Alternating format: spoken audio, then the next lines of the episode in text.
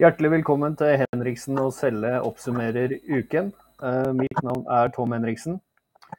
I eh, studio så har jeg som vanlig med meg Erik Selle og Ole Jakob eh, Prebensen. Og vi skal gjennom en del emner i dag. Og det har skjedd, og det skjer veldig mye. Kanskje den største saken som har skjedd akkurat nå, er dronningens bortfall i England. Vi skal gi våre kondolanser og ta en kort innpå dette her før vi går videre i dagens sending. Vi skal en tur innom eh, det grønne skiftet. Selv Finansdepartementet aner ikke hva dette vil koste landet vårt. Og er det verdt det? Vi må en tur innom eh, skatter og avgifter og statens forbruk. Der vi har en finansminister som sier at uh, vi må bruke mindre. Mens vi har en verden som eh, forteller oss at det faktisk må kanskje brukes mer, fordi det er en eh, økonomi som er eh, blitt inflasjon i. Og vi skal en tur innom FNs agenda 2030, som nå er og blir implementert på kommunalt nivå. I mange kommuner har det vært implementert i lang tid. Vi har et par spørsmål angående et par av punktene der. Eh, som dere skal få lov å høre. Vi hadde jo uh, Spetalen var jo på NRK-debatten. Og uh, vi, vi, har lyst til å snakke litt mer om de temaene Spetalen tar opp, som industridød. og Vi må innom olje og gass, den 26. konsesjonsrunde osv. Vi har også tilgang nå til en statistikk over vold i Oslo, som vi har lyst til å dele med dere. Og helt til slutt så er det som vanlig dagens bok som vi ønsker å anbefale. Så da ønsker jeg bare å si hjertelig velkommen til eh, deg, Erik Selle. Tusen takk. Og Ole Jakob Prebensen. Takk for det. Da tar vi en eh, liten sånn kjapp runde rundt eh, dronningens bortfall og liksom deres reaksjon. Og da har jeg lyst til å høre med deg, Ole Jakob, først. Ja, når det gjelder dronningen, så er jo det en stor tragedie for veldig mange at hun nå er gått bort. Ikke uventa, Hun nådde jo en alder som er svært høy. Eh, hun har gjort en fabelaktig innsats for nasjonen og for Commonwealth. Eh, svært mange rundt om i verden var, er jo og var jo svært glad i dronningen. Eh, så hun har vært en skikkelig bauta for, for utrolig mange mennesker. Og hennes, eh, hennes eh, verdighet og anstendighet eh, er noe som gir gjenklang ikke bare i vår generasjon, men også i generasjoner som, som vil komme. Så det står all respekt av. Nå er vel dette mer en diskusjon hva skjer nå, og da kan du stille spørsmålstegn med den skepsis som finnes blant enkelte om, om fremtidige konger bl.a. her i Norge, og også om hvordan Charles 3., kong Charles 3. nå vil klare å eh, faktisk um, gå i det sporet som hennes, hans mor da gjorde. Han har jo vært ganske frimodig i sine uttalelser, uh, spesielt når det gjelder klimasaken. Så det skal bli spennende å følge. Helt klart. Erik, samme spørsmål til deg som til Ole Jakob. Din reaksjon rundt dronningens bortfall? Nei, det er jo fascinerende å se um, den uh, reelle sorgen som er i England. Dronning Elisabeth uh, har jo vært med England gjennom, gjennom snart 100 år. Et, et langt og, og, godt levd liv. Og vise hvilken posisjon en, et, et, kongedømme, eller dronning i dette tilfellet, kan ha i en moderne nasjon. Eh, det minner meg litt om da kong Olav døde. Eh, da, på det tidspunktet var jeg i Hellas. og eh, jeg husker jeg ringte hjem og jeg merket at det var en reell sorg, en reell depresjon over landet. Gulfkrigen begynte jo samtidig. Kong Olav var jo en konge som alle kunne elske og kjenne seg igjen i, og det har Elisabeth også vært for Storbritannia. Hun er jo bemerkelsesverdig apolitisk. Eh, dermed kunne være en monark for alle. Eh, kanskje det mest interessante ved hennes politiske, eller manglende politiske engasjement eller, eller hva det det er jo at hun besøkte et land som Jordan, men hun besøkte aldri Israel i sin tid som regent. Og det er litt spesielt å ta med seg. Nå kommer jo prins Charles, han har blitt kong Charles den tredje.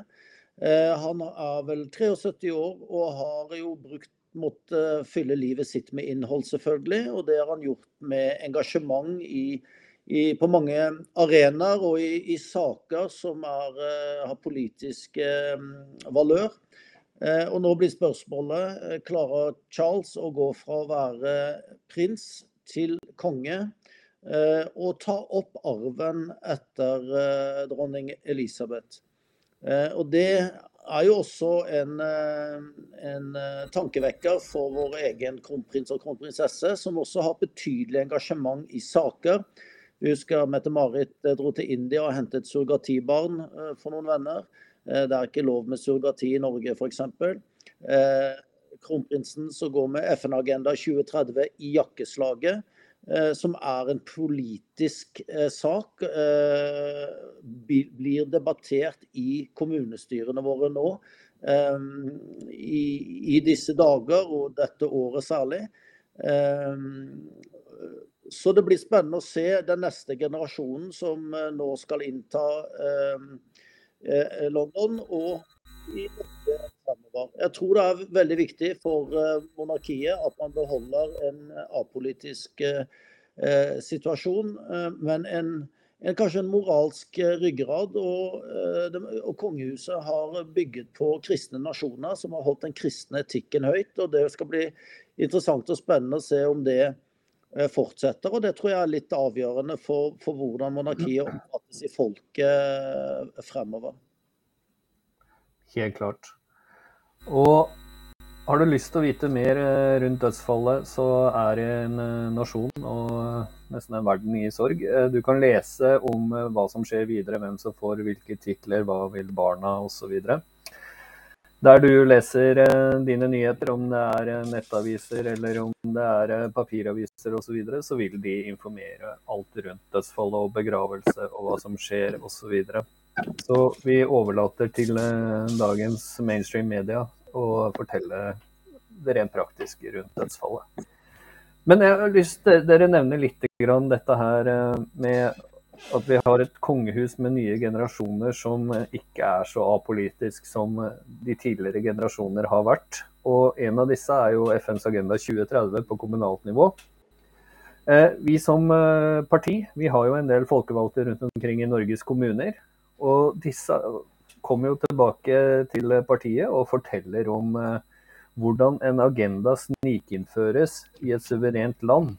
Og en av disse spørsmålene og Jeg har lyst til å ta det opp selv om vi muligens uh, ikke vet svaret, eller kanskje ikke ønsker svaret. Men det er uh, dette med altså kjønn og likestilling, ytringsfrihet osv., som er en del av FNs uh, Agenda 2030.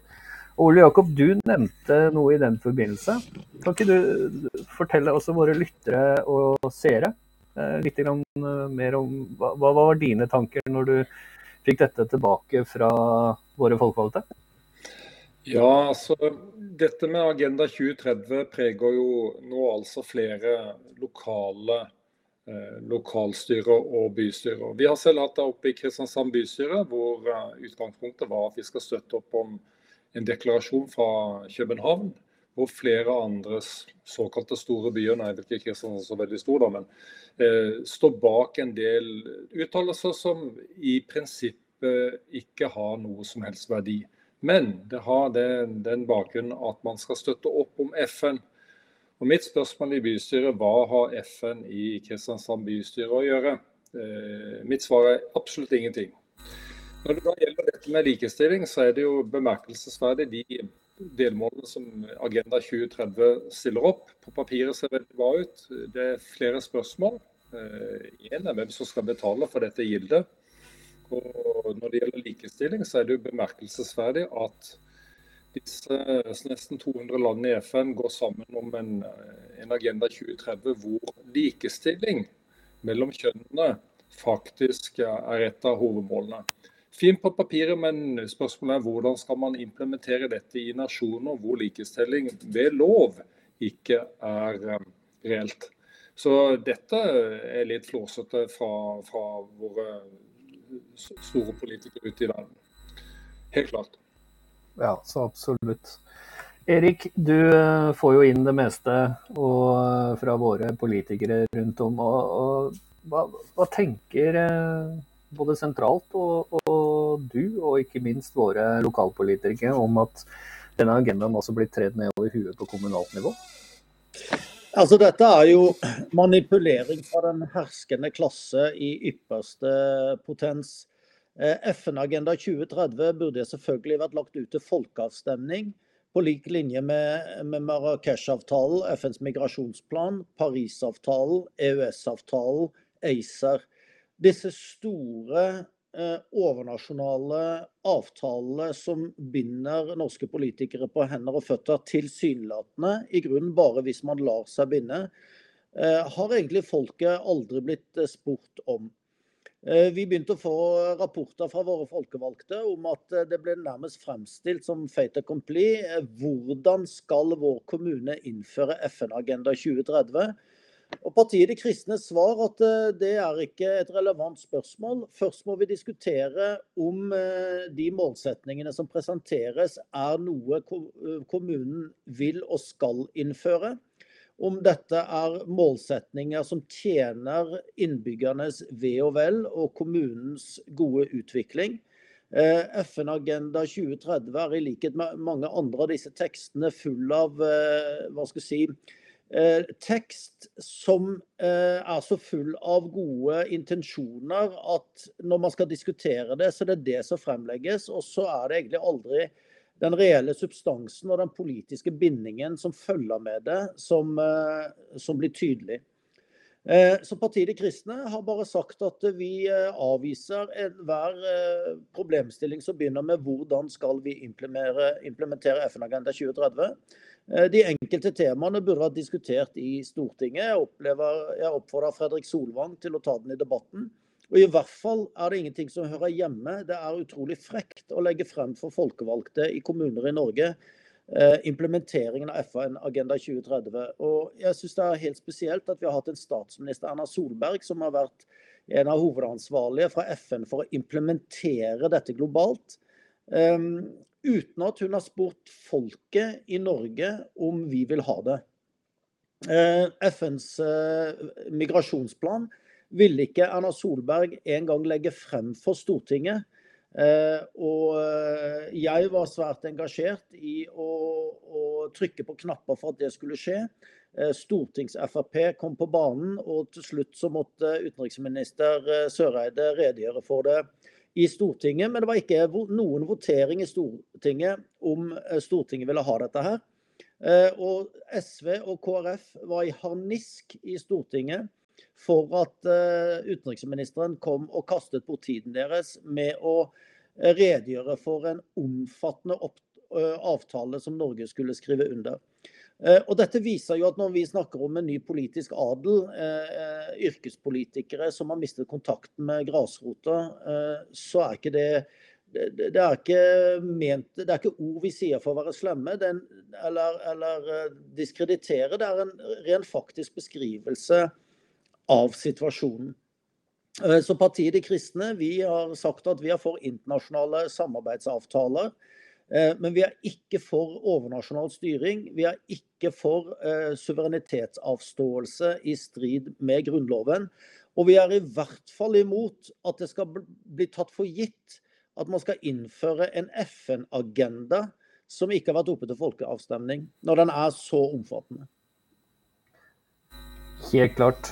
Og har du også lyst til å eh, være med å utfordre de etablerte partiene på deres politikk eh, i dette og alle andre temaer, så anbefaler jeg deg å melde deg inn i partiet De kristne. Bli med på å utgjøre en forskjell, både lokalt, nasjonalt og internasjonalt.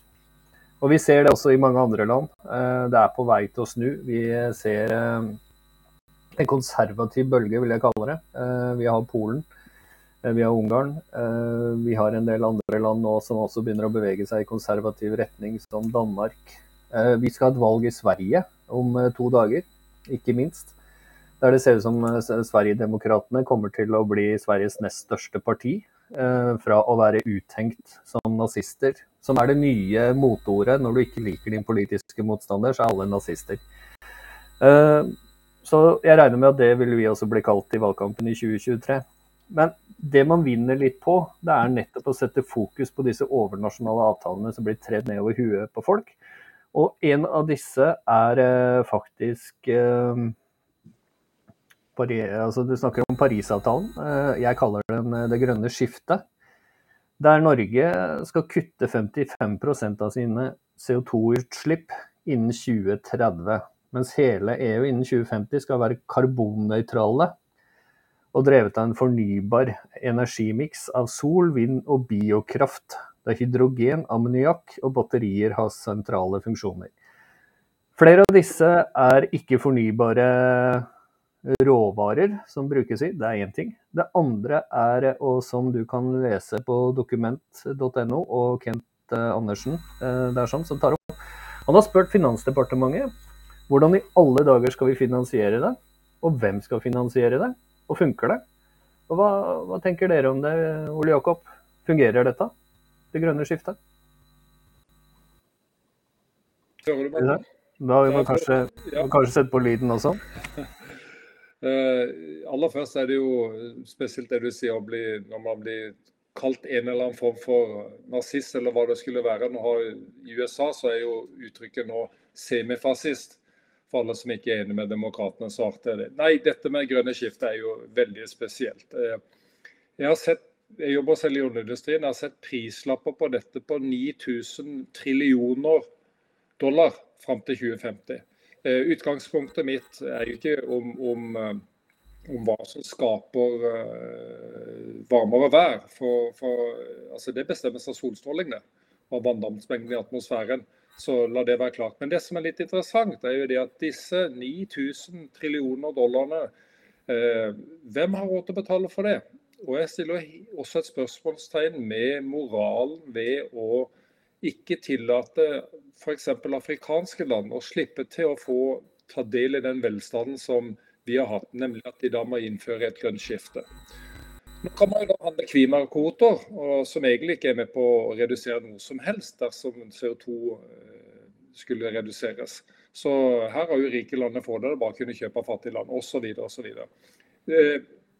Dette som skjer nå med grønne skiftet, er jo resultatet av en helt katastrofal hallusinerende energipolitikk som Europa har ført. Hvor man kutter alt som fungerer. 84% av verdens energibehov kommer fra fossil energi. Det er gått riktignok litt ned de siste ti årene, men det skyldes jo det at man har gått inn med enorme statlige bevilgninger for å opprettholde ikke bærekraftig grønn, grønn energi som solceller og vindmøller. Så hvordan dette skal henge sammen, det, det er et godt spørsmål. Vi er bare nødt til å kjempe imot alt som finnes av dette. For dette her er rett og slett helt på grensen til galskap. Erik, er det galskap det grønne skiftet? Ja, det er komplett idioti. Det er, det er som å slakte hesten før bilen ble oppfunnet. Den krisen vi er nå inne i, som er av historiske proporsjoner, hvor vi står foran en industridød, næringslivsdød. Og vi snakker ikke bare store industri, kraftkrevende industrikonserner som er hjørnesteinsbedrifter i hele samfunn rundt omkring i Norge. Men vi snakker om bakere, og vi snakker om, om blomsterbutikker, og vi snakker om alle typer ting som bruker strøm. Vi hadde et grønt skifte i Norge for 100 år siden. Da gikk vi fra kull til vannkraft. Norge har gjennomført det grønne skiftet. Den krisen som vi står oppe i nå, er det, det er klima, det er det grønne skiftets skyld. Tyskland har kuttet kjernekraftverkene, kullkraftverkene, uten å ha en plan for etterfølging av energi. Og fra å ha en klok og god forvaltning av norsk vannkraft, så har man sluppet en blanding av blåruss og kommunister til. Jeg kaller det global grønn marxisme. Eh, men har, men har brukt kapitalistiske metoder eh, og verktøy for å få det til. Eh, knyttet oss til det europeiske kraftmarkedet, hvor etterspørsel er skyhøy, langt over det vi noen gang kan levere. Og dermed så vil prisen selvfølgelig gå i taket. Og det er ikke Ukraina-krigen som er skyld i den krisen vi er i nå. Og det er ganske forstemmende. altså Det er jo klargjørende. Jeg vil, jeg vil anbefale alle å bare se NRK-debatten her var det på, på tirsdag om mellom Betalen og statsråd Terje Aasland fra Arbeiderpartiet. Det er nesten sjokkerende å høre at en statsråd i en norsk regjering står og lirer av seg så mye nonsens, når Spetalen står helt rolig og forteller hva som er de eh, faktuelle sammenhengene, som er udiskutable. Og eh, Så ser vi at Høyre går som en rakett opp på meningsmålingene, og Arbeiderpartiet synker som en stein. Eh, til de velgerne som tror at Høyre er et alternativ, så må du lytte til den tausheten som har vært fra Erna Solberg og Høyre i hele denne perioden. På en måte så har Arbeiderpartiet fått i fanget eh, den, den eh, politikken som Høyre og Erna Solberg har stått i spissen for i åtte år, som det har vært samstemt eh, politisk eh, kurs i Norge siden 90-tallet. Eh, og det er sjokkerende å høre at Nikolai Astrup fra Høyre han advarer mot svært negative konsekvenser hvis regjeringen nå ikke godtar EUs fjerde energipakke og gjør den til norsk lov. Den vil da knytte oss enda nærmere det europeiske kraftmarkedet. Eh, og vi ser nå, eh, for alle som eh, statsråd Aasland prøvde å fortelle innbyggerne i Norge at det er den norske stat som har kontroll på det, da gjør de i tilfelle en svært god jobb og bør gå av. Alle vi andre vet at slik er det ikke. Og prisene vil simpelthen være i uoverskuelig høytid, fremtid høy. Og hva gjør man da? Da må man rett og slett stemme på Eh, andre partier som har vært mot dette hele tiden, som har en annen kurs, eh, ser nå at eh, EU-kommisjonens leder Ursula von der Leyen hun advarer Norge mot at vi har ikke lov eh, til å redusere krafteksporten eller sette, sette fastpris eh, på strømmen. Samtidig som Spania og Portugal innførte i april makspris på gass og har de laveste strømprisene i Europa. Og EU vurderer faktisk nå det samme. Eh, så her er det ingenting som henger på greip, men det er én rød tråd. Det er det grønne skiftet som senker Vest-Europa økonomisk. Eh, det vil føre til en rasering av middelklassen, som er ryggraden i demokratiet. Det vil føre til folk som er dønn avhengig av staten, og dermed mer eller mindre klienter av staten. Lenin han, eh, han må jo le godt når kapitalistene innførte hans eh, drømmesituasjon, hvor alle innbyggere er avhengig av eh, staten. Og Vi har jo allerede sett at man stenger bankkontoer til, til folk med meninger man ikke liker, eller organisasjoner man ikke liker. Vi ser en innstrammingen i, i, på den økonomiske sektoren. De vil fjerne kontantene. Eh, som er en helt grunnleggende forutsetning for, eh, for frihet, for et, eh, for, et, for et, demokrati, for et fritt folk. Så det er mange ting som henger sammen her, og som politikerne åpenbart ikke vil at vi skal sette i sammenheng. Kort oppsummert så må vi få politikere som tar makten tilbake til Oslo.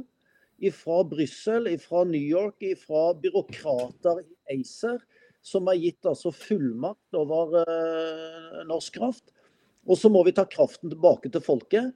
Og så må enhver som fortsetter og drømmer om at vi skal skru av olje og gassen, de må rett og slett våkne. Og, velgerne må holde de unna alle maktens posisjoner som de kan. Fordi at eh, det er en sånn knipetangsmanøver at vi har skyhøye strømpriser. Og skal de samme menneskene som har innført den situasjonen vi er i, Eh, heldigvis er tonene annerledes nå i en del partier. Men eh, olje og gass vil vi trenge i uoverskuelig fremtid, og ikke minst som gassleverandør til Europa. Vannkraften den må vi ha sjøl. Det er eh, beredskapshensyn. Istedenfor kabler til England, så burde man bygget kabler nord-sør i Norge. Eh, og det aller mest uforståelige i denne situasjonen, det er at regjeringen fortsatt ønsker å elektrifisere sokkelen. Til og med nord for Finnmark. Vi allerede vet nå at Finnmark eh, får et kraftig kraftunderskudd eh, hvis elektrifiseringen av sokkelen der oppe fortsetter. Og det har denne regjeringen fortsatt tenkt å gjøre. Dette er ting som utløser revolusjon i andre land. Og vi håper på en fredelig maktovertagelse i uoverskuelig fremtid i Norge, og at demokratiet lever. Men nå må velgerne våkne, ellers så får de den fremtiden de fortjener. Ja, og jeg, jeg har lyst til å si, sånn som jeg hører eh, konservative influensere, vil jeg kalle det. Eh, de sier rett ut at eh, oss som eh, har vært konservative, vi har en tendens til å sitte på gjerdet, status quo. Vi liker ikke så veldig godt at ting forandrer seg osv. Det toget er løpt fra oss.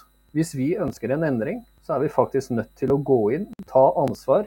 Melde oss til å være med der vi kan være med, om det er i politikken, om det er i skolen eller hvor som helst. Vi må bli aktive igjen. Jeg vil anbefale også i Norge. Vi kommer til å trenge det.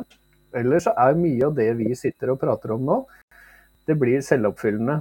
Og som man så fint sier, selvoppfyllende profetier. Fordi man ikke gjør noe. Man sitter bare og ser på, klager. Og da får de, denne gjengen som ønsker å innføre all denne galskapen, de, de, får lov til å gjøre det uhindret. Det har vi lyst til å gjøre noe med. Men, ja, og da, da utdanning og skole sektoren ekstremt viktig. For vi ser at det er en pågående debatt. og, og eh, altså Det grønne skif, skiftets evangelister har begynt å få mer motstand nå. Eh, selvfølgelig. Men de har sittet og skrevet skolebøker i 20 år. Eh, så vi ser at eh, når vi så på, eh, så på partilederdebatten fra Arendalsuken, eh, så var det en ung dame der som fremførte en form for desperasjon, en form for panikk, en frykt for, for hennes fremtid. Fordi, hvorfor det? For hun har gått i en skole som har indoktrinert henne i et, et, en klimapolitisk virkelighet som ikke er reell. Eh, og det ser vi nå kommer. Den radikale kjønnsideologiens eh, forkjempere har fått dette inn i skolen. Vi har en covid-situasjon bak oss. Vi har eh, Eh, vi har kritisert en del ting rundt covid-håndteringen. Eh, og eh, det var veldig hatsk stemning i fjor høst i Norge rundt folk som ikke ville la seg vaksinere.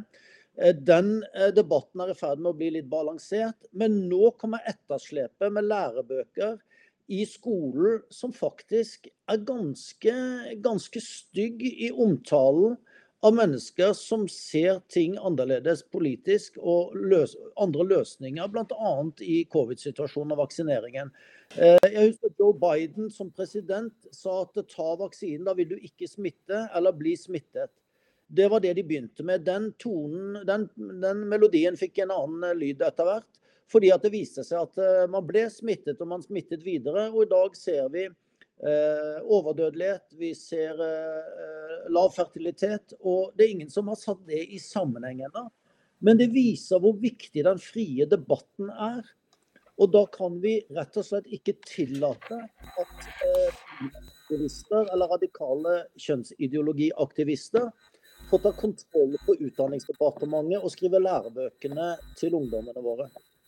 Vi må lære barna våre kritisk tenkning og ikke politisk indoktrinering.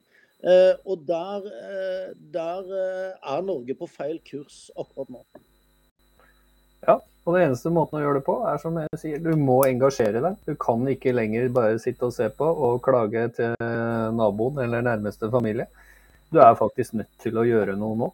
Vi står ved et veiskille både nasjonalt og internasjonalt. Vi ser to store retninger dreie seg. Globalistisk retning, et uh, stort felles uh, styresystem, eller fortsatt nasjonalstater.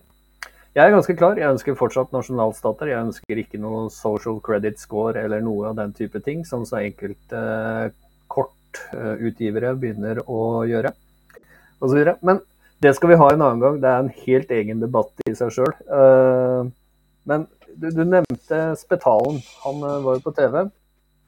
Og vi skal fortsette med olje og gass, men den 26. konsesjonsrunde, Ole Jakob, du nevnte den eh, litt tidligere i dag når vi snakka sammen. Jeg har lyst til at du skal utdype litt mer. Hva betyr det for Norge?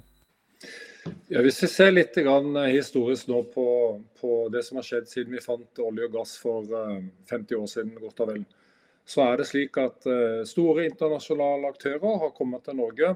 78 petroleumsskatt Eh, er lagt til grunn for deres virksomhet, noe som har tjent nasjonen vel. Eh, før vi fant olje og gass, så var Norge en ganske så fattig nasjon. og Det er bare å spørre eldre Stavanger-folk hvordan dette opplevdes. Da levde de av sild den gangen det fantes. Det var den fattigste byen i Norge. Så dette oljeeventyret, det er ikke slutt. Det fordrer da at uh, Sosialistisk Venstreparti og miljøradikale på Stortinget skjønner hvor pengene kommer fra. For det er ikke slik at pengene bare detter inn i statskassa. Eh, da må det ny teknologi til, det må utvinnes mer. Og vi har uante ressurser. Vi har så mye ressurser som faktisk er tatt opp av bakken at uh, dette, dette, er ingen grunn til å stoppe. Nå var jo da kompromisset med SV at man uh, unnlot å utlyse 26. konsesjonsrunde. Eh, det er jo rett og slett helt skandaløst. Eh, det blir jo som å gi naboen eh, lommeboka si 'gå og kjøp hva du vil', og så får du regninga på kredittkortet senere. Helt galskap dette her. Så, så vi, må, vi, må, stikke fingrene i jorda og se hva er det som faktisk er verdiskapning i dette landet. Og her er det jo at dagens regjering og den forrige Eh, i stor grad kommer til kort. Eh, de, man har ikke helt forstått hva det er som skaper verdier. Så eh, ingen tvil om at her må det mye Europa trenger gass for å ta den biten der. Da det, er det bare å eksportere i vilden sky.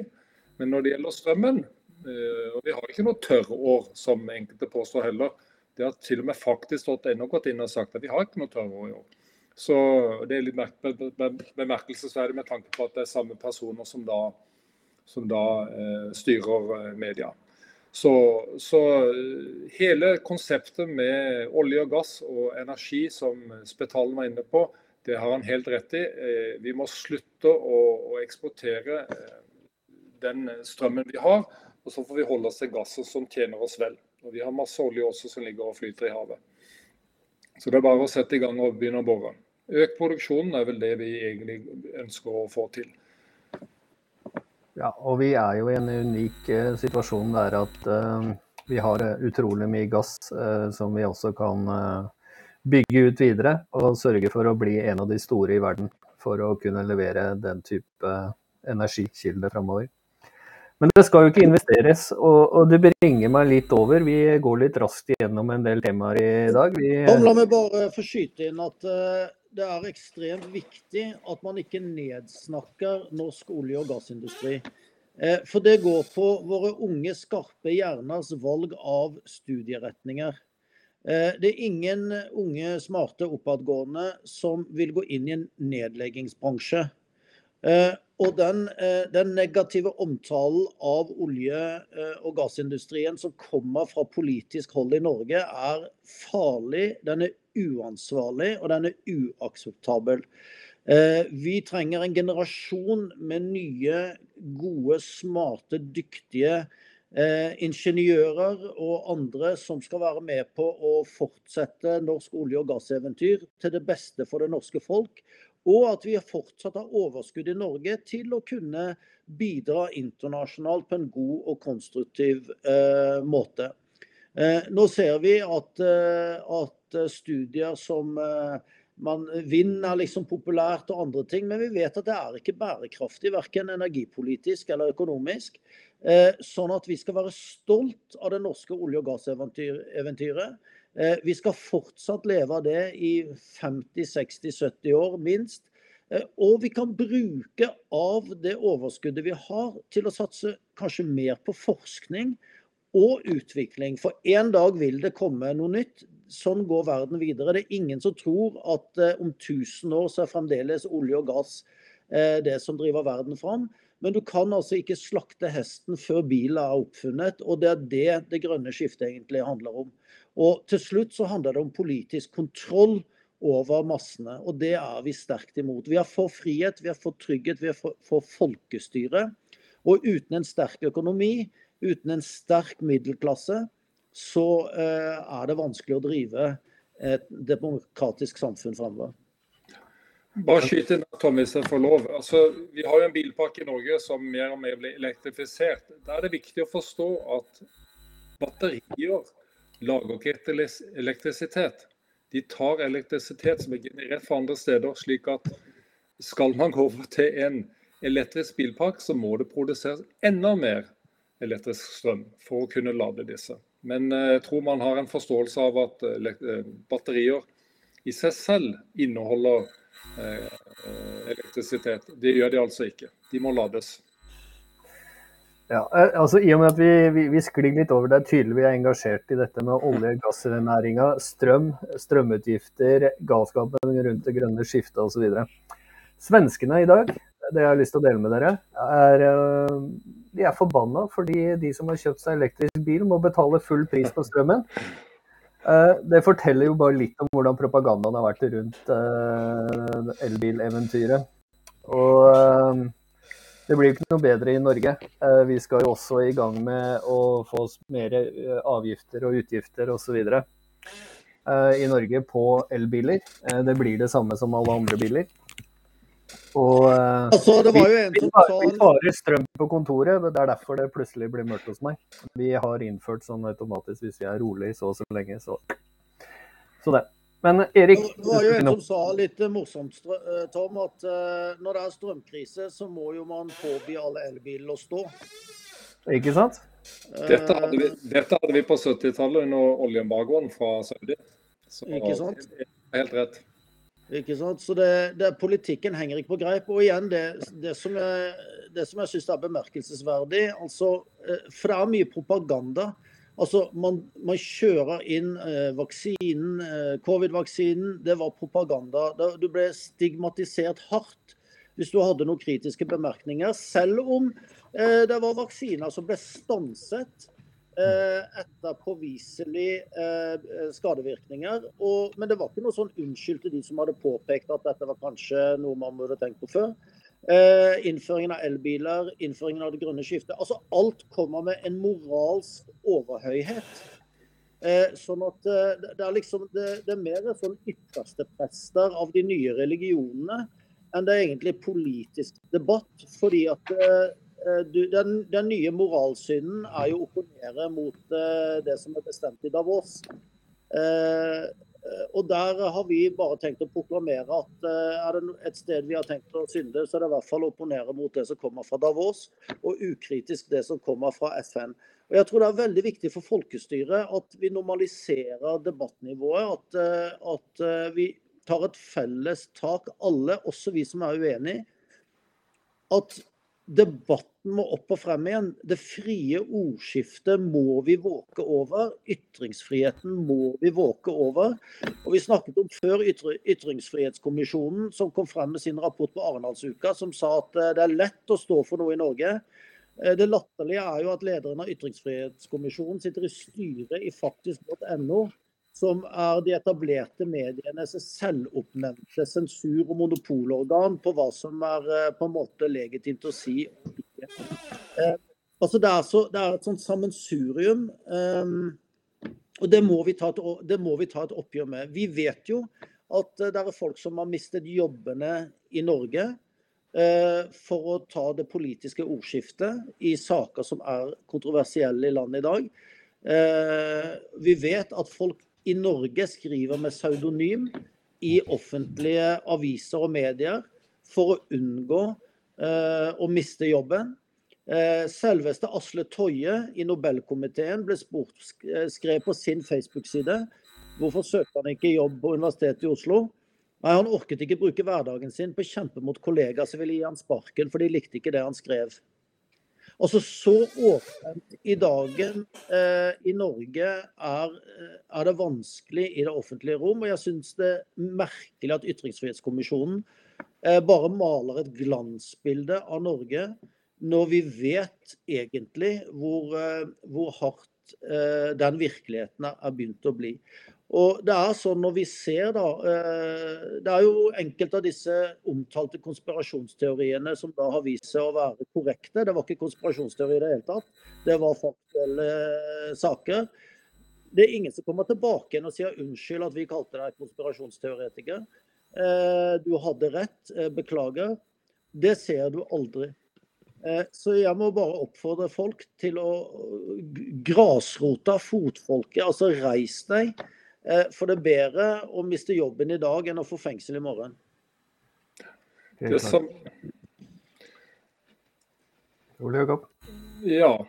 Det som er litt interessant eh, Jeg leste en gang en artikkel av Janne Haaland Matlare. Hun skriver jo bl.a. at dagens tendenser er polarisering som, og en moralisering fra mennesker. Eh, ikke bare er det overnasjonalisering. Men dette sammen med med det som da skjer globalt, eh, medfører en respektløshet for andre meninger, eh, arroganse og ikke minst intoleranse. Det er litt interessant, fordi at Hvis vi tar utgangspunkt i brexit, som skjedde for noen år tilbake, så er det ingen tvil om at motstanderne der av brexit har en helt annen holdning til, til disse som stemte for brexit, enn det man opplever i andre saker. Så det er en total moralisering og polarisering av politiske meningsmotstandere. Og Det ser vi veldig godt her i Norge også. Men er ikke det en måte å kneble sine eh, ytringsuvenner? Uh, Nettopp å stemple dem med alle mulige ting? Ja, og det, så, vi, ja. det, det så vi nå nettopp i Pennsylvania, hvor uh, president Biden holdt en tale om uh, ca. 74 millioner amerikanere, som han kalte for semifascister. Ja. I tillegg så er det jo en fin måte å kneble andre på, og samtidig stå på å si at du er for ytringsfriheten. Ehm, Biden har jo på sin Twitter-profil at han skal være mer inkluderende, stå opp for ytringsfriheten og ha en bedre debattklima i USA. Samtidig som han står på en scene med noe rød bakgrunn, svarte osv. hentet rett ut fra filmen V for Vandetta.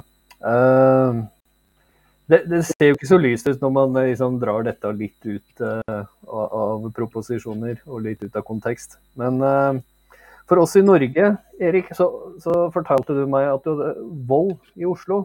Og vi har jo lest de siste dagene om uh, vold i Oslo. Vi ser om ungdommer som løper med knivstikking. Vi ser med ungdommer som har gjort masse brud, altså lovbrudd tidligere. Blir ikke dømt. Uh, Arbeiderpartiet er veldig fint, fordi de mener det er manglende eh, ungdomsplasser å være. Ikke minst fritidsklubber. Det samme har jo de prøvd i Sverige. I Sverige så har vi jo no go-soner. Akkurat det samme som vi har i Somalia og en del andre Chad osv. Så, videre, så har vi no go-soner. Tenk seg at eh, Sverige også har det. Men statistikken i Oslo sier hva, Erik? Altså Arbeiderpartiet sliter jo med arven etter Inger Louise Valle, som skulle gjøre alt politi om til sosionomer. Eh, jeg har en oversikt her fra 3.8. Eh, jeg kan bare lese opp. 3.8. knivstikking på Stovner, eh, som politiet etterforsker som drapsforsøk. Tirsdag 30.8, altså samme dag, skuddveksling mellom to biler på Torshov. Fredag 2.9, skyting mellom to biler på Sandaker. Mandag 5.9, truende knivsepisode mellom to grupperinger utenfor et kjøpesenter klokka 16.14. Mandag 5.9. to knivstikker hverandre utenfor Furuset senter. Eh, og tirsdag 6.9. en mann knivstukket på Grønland i Oslo. Eh, dette er jo ting som kunne vært i eh, Beirut i gamle dager, eller hvor som helst annet. Eh, det er, et volds- og trusselnivå i Oslo som det virker nesten som mediene har, har sluttet å ta tak i det. Og I gamle dager kunne vi lese om tjuveribandet fra Latvia eller et eller annet fra Sverige, men nå er nå er liksom opphavsmannens reelle identitet eller kvinne stort sett skjult, hvis ikke det er en hvit nordmann. Volds- og trusselbildet i Oslo er betydelig. Eh, PDK Oslo prøvde å ta kontakt med Oslo-politiet eh, ved en tidligere valgkamp for å få en oversikt. eh, Og for å, bli spurt hva skal vi med det, så at vi har politikere ønsker å lage en politikk for en trygg by. Og politiet ble nærmest aggressive på PDK Oslo for at de var interessert i, i denne Hauglie ryddet opp i Oslo. Da var vest. Rudi Guiani ryddet opp i New York. Hadde med en forside med The Rotten Apple, hvor de skrev at det nye i kommunen å bli ubeboelig. Rudi Guiani viste det motsatte. En konservativ borgermester får lov å grep inn. Eh, og da Rudi Guiani hadde så husker jeg var i New i tre dager for moro skyld. Så gikk Og der eh, skal vi, skal vi prøve å steppe litt inn her. Eh, vi har en litt dårlig eh, connection med Erik akkurat nå. Jeg følte meg trygg i New.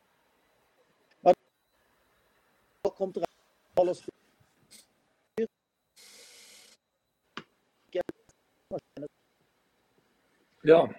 Yes. Vi eh, skal prøve å få tilbake connection med Erik her. Han eh, Jeg ser eh, i programmet vi bruker at det ble dårligere og dårligere connection her.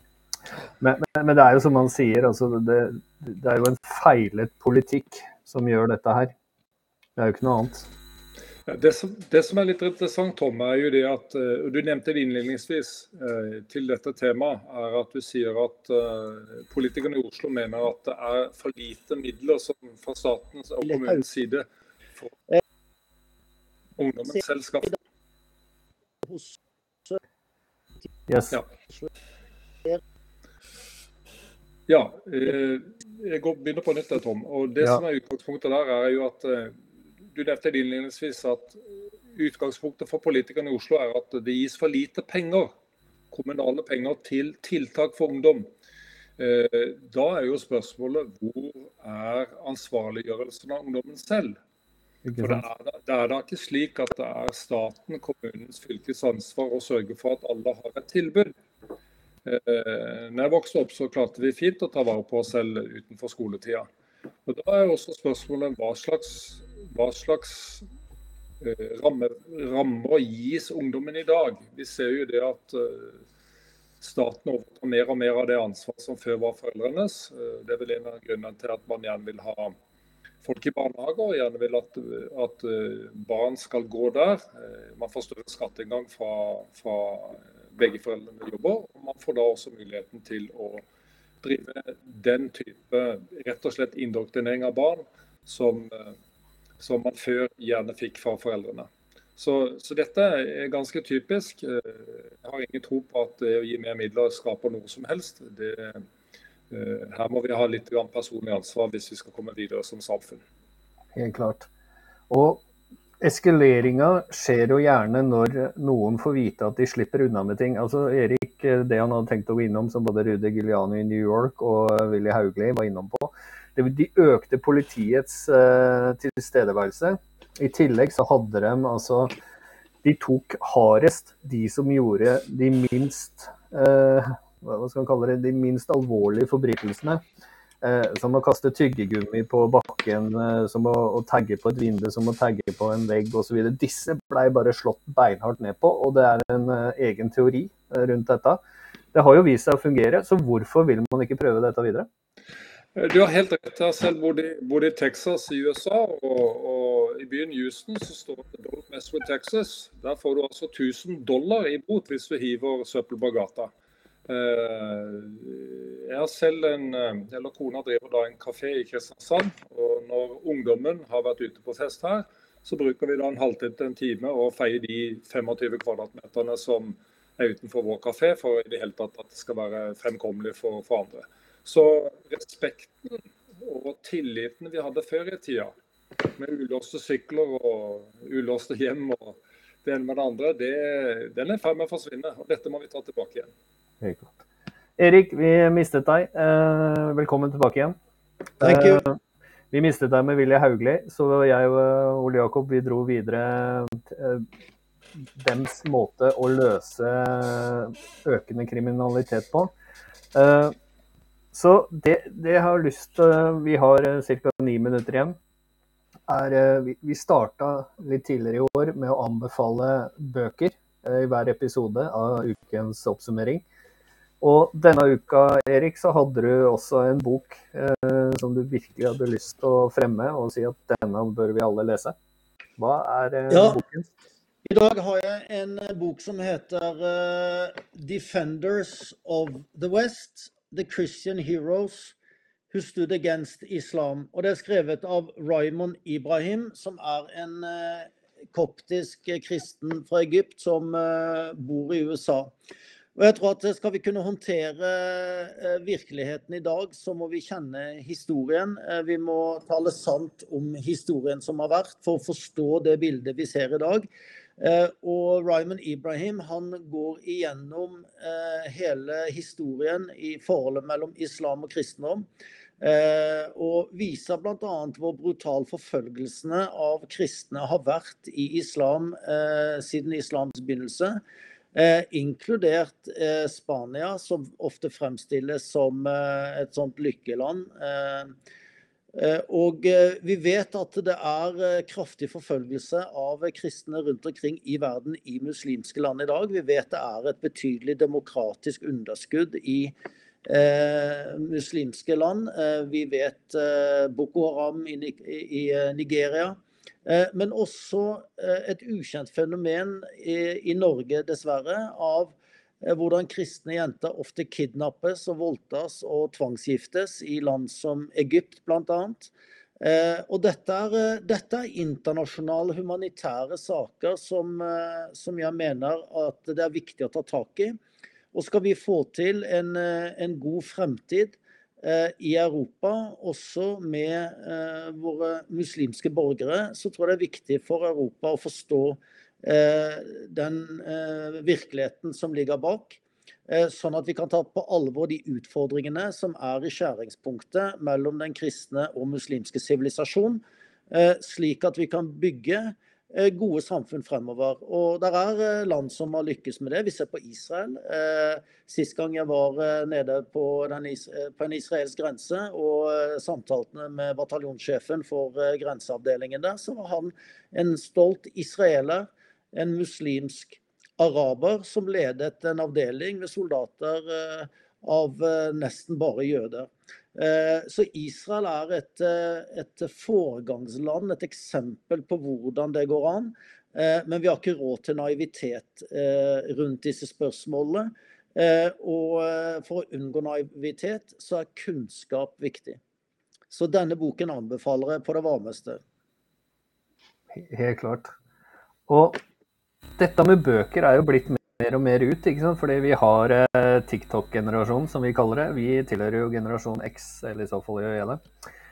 Eh, og det er litt sånn eh, morsomt å, å se eh, og lese at der vi før henta informasjonen vår, kunnskapen og gjorde opp våre meninger, var gjennom bøker, mens dagens generasjon gjør dette gjennom sosiale medier à la TikTok, short reels på Facebook, Insta osv.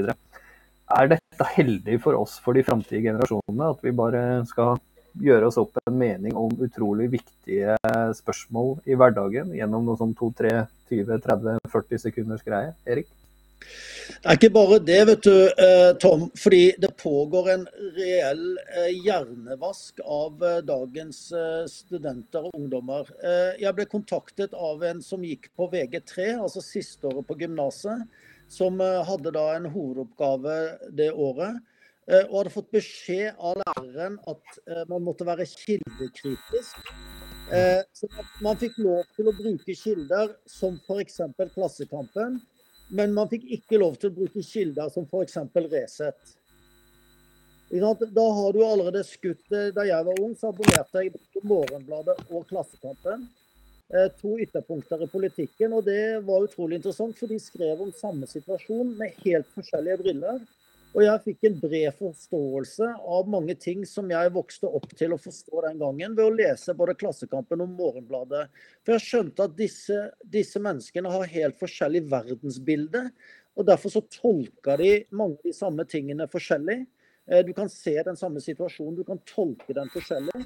Og du trekker forskjellige konklusjoner. Og da er det tilbake til folkestyret og den kritiske tenkningen. Kanskje hadde Klassekampen noe rett i sine vurderinger. Eh, jeg mente at Morgenbladet stort sett hadde rett i sine. Eh, men det, veldig, det, har alltid vært nyttig for meg å lese en kommunistavis som Klassekampen. Fordi jeg vet hvor de står, og det er en ærlig sak. Eh, det som er ikke ærlig, det er når de har ti uker med antisemittisme, og jeg skriver en, en korrigerende artikkel, og da er de ferdig med debatten, for det har vært så mye Israel de siste ukene. Uh, og Det viser jo litt, litt av skjevheten, men det er virkeligheten. Klassekampen er det de er. Jeg kan ikke klandre de for det. Jeg syns det er dårlig journalistikk å ikke la begge siden komme til, til syne. Men det er, det er altså virkeligheten. Når, en ting er at de er på TikTok.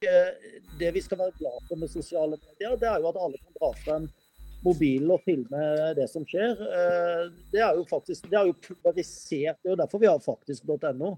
Eh, som Gro Harlem Brundtland sa, de har mistet eh, kontroll over informasjonen til folket. Derfor burde vi legge ned NRK. Det bør ikke gå en, en skattekrone til NRK. Og vi trenger en ny mediepolitikk hvor det kommer mer mangfold i mediene frem. Det var mye lettere den gangen Aftenposten var konservativ, og Dagbladet var, var rabulistisk, og, og Arbeiderbladet var sosialistisk, og Klassekampen etc. Vi visste hvor de sto hen, sånn at du visste hva du fikk. Nå eh, later man som det finnes en form for journalistisk objektivitisme, eh, og det gjør det ikke. Eh, og der, Derfor er det viktig med podcaster. Det er jo derfor podcaster har blitt så populært for folk som aldri fikk eh, komme frem. Jeg vet ikke hvor mange leserinnlegg gjennom årene jeg har sendt til VG og Aftenposten. Aldri kommet inn en eneste en. Eh, så da får jo heller ikke folk vite eh, f.eks. mitt synspunkt. Da Da lager vi podcaster, da bruker vi Facebook, da skriver vi leserinnlegg andre steder. Og Derfor så er det mediemangfoldet vi trenger. Og jeg tror TikTok kan være bra. Det jeg ikke syns er bra, det er lærere som har hjernevasket og hjernevasker ungene videre, til å istedenfor å lære de kildekritikk og speile hva som er dårlig i Resett eller hva som er dårlig i Klassekampen, så skolen å referere til. Og Det er en farlig kurs for et demokrati. Og det er det vi eh, rekker eh, i denne omgang. Uh, Ole Jakob, du skal få lov å neste uke skal jeg slippe deg til uh, helt på slutten. Men jeg har lyst uh, de siste sekundene vi har igjen. uh, vi skal ha et statsbudsjett som kommer ut i oktober. vi rakk ikke å gå innom det så mye. Vi kommer til å flytte det til neste, fordi det er ikke aktuelt før i oktober. Men uansett så varsler de allerede nå at vi skal, økonomien skal strammes enda mer inn. vi skal ha høyere rente det ser litt mørkt ut eh, framover på den økonomiske fronten, men er det helt håpløst? Det skal vi snakke om eh, neste gang. Men hvis du går til nettsiden dekristne.no, og så går du og ser du under, eh, under vår politikk, så finner du tolv grunner til å stemme PDK. Dette er de tolv grunnene vi mener skal til for at vi skal kunne bygge et godt, solid Norge bygd på det judeo-kristne verdigrunnlaget, samtidig som vi verner om nasjonalstaten og er en del av det store samfunnet i verden. Så med det så ønsker jeg dere alle sammen en riktig god helg. Og les, gå en tur, nyt de siste de sommerdagene, og på gjensyn neste fredag.